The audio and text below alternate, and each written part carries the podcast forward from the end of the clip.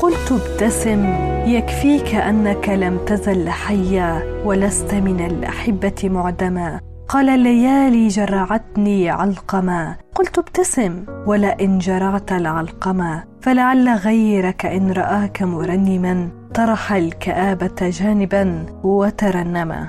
حبيت أبدأ بأبيات شعرية تبعث بنفس التفاؤل.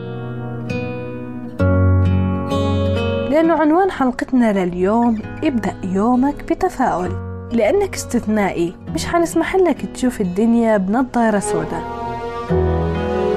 أنت ممكن تصحى من النوم تفتح الشباك تشوف بسة سودا يا الله وتتشائم تحكي يا ساتر اليوم مبين سيء من أوله. لا يا سيدي على أي أساس أنت قررت هيك؟ مين اللي دخل براسك هالأفكار؟ كل اللي في الموضوع إنك روحت تعبان ومرهق. ممكن تكون مريت بظروف صعبة فخلتك مهيأ إنك تفسد يومك بنفسك. صحيح إنه الحياة مليانة عقبات ومشاكل بس لو إحنا استسلمنا لها دايما حتكون حياتنا صعبة وكئيبة وسلبية. عشان هيك بدي أطلب منك إنك تتمرن على التفاؤل. أيوة اللي سمعته صح تتمرن على التفاؤل.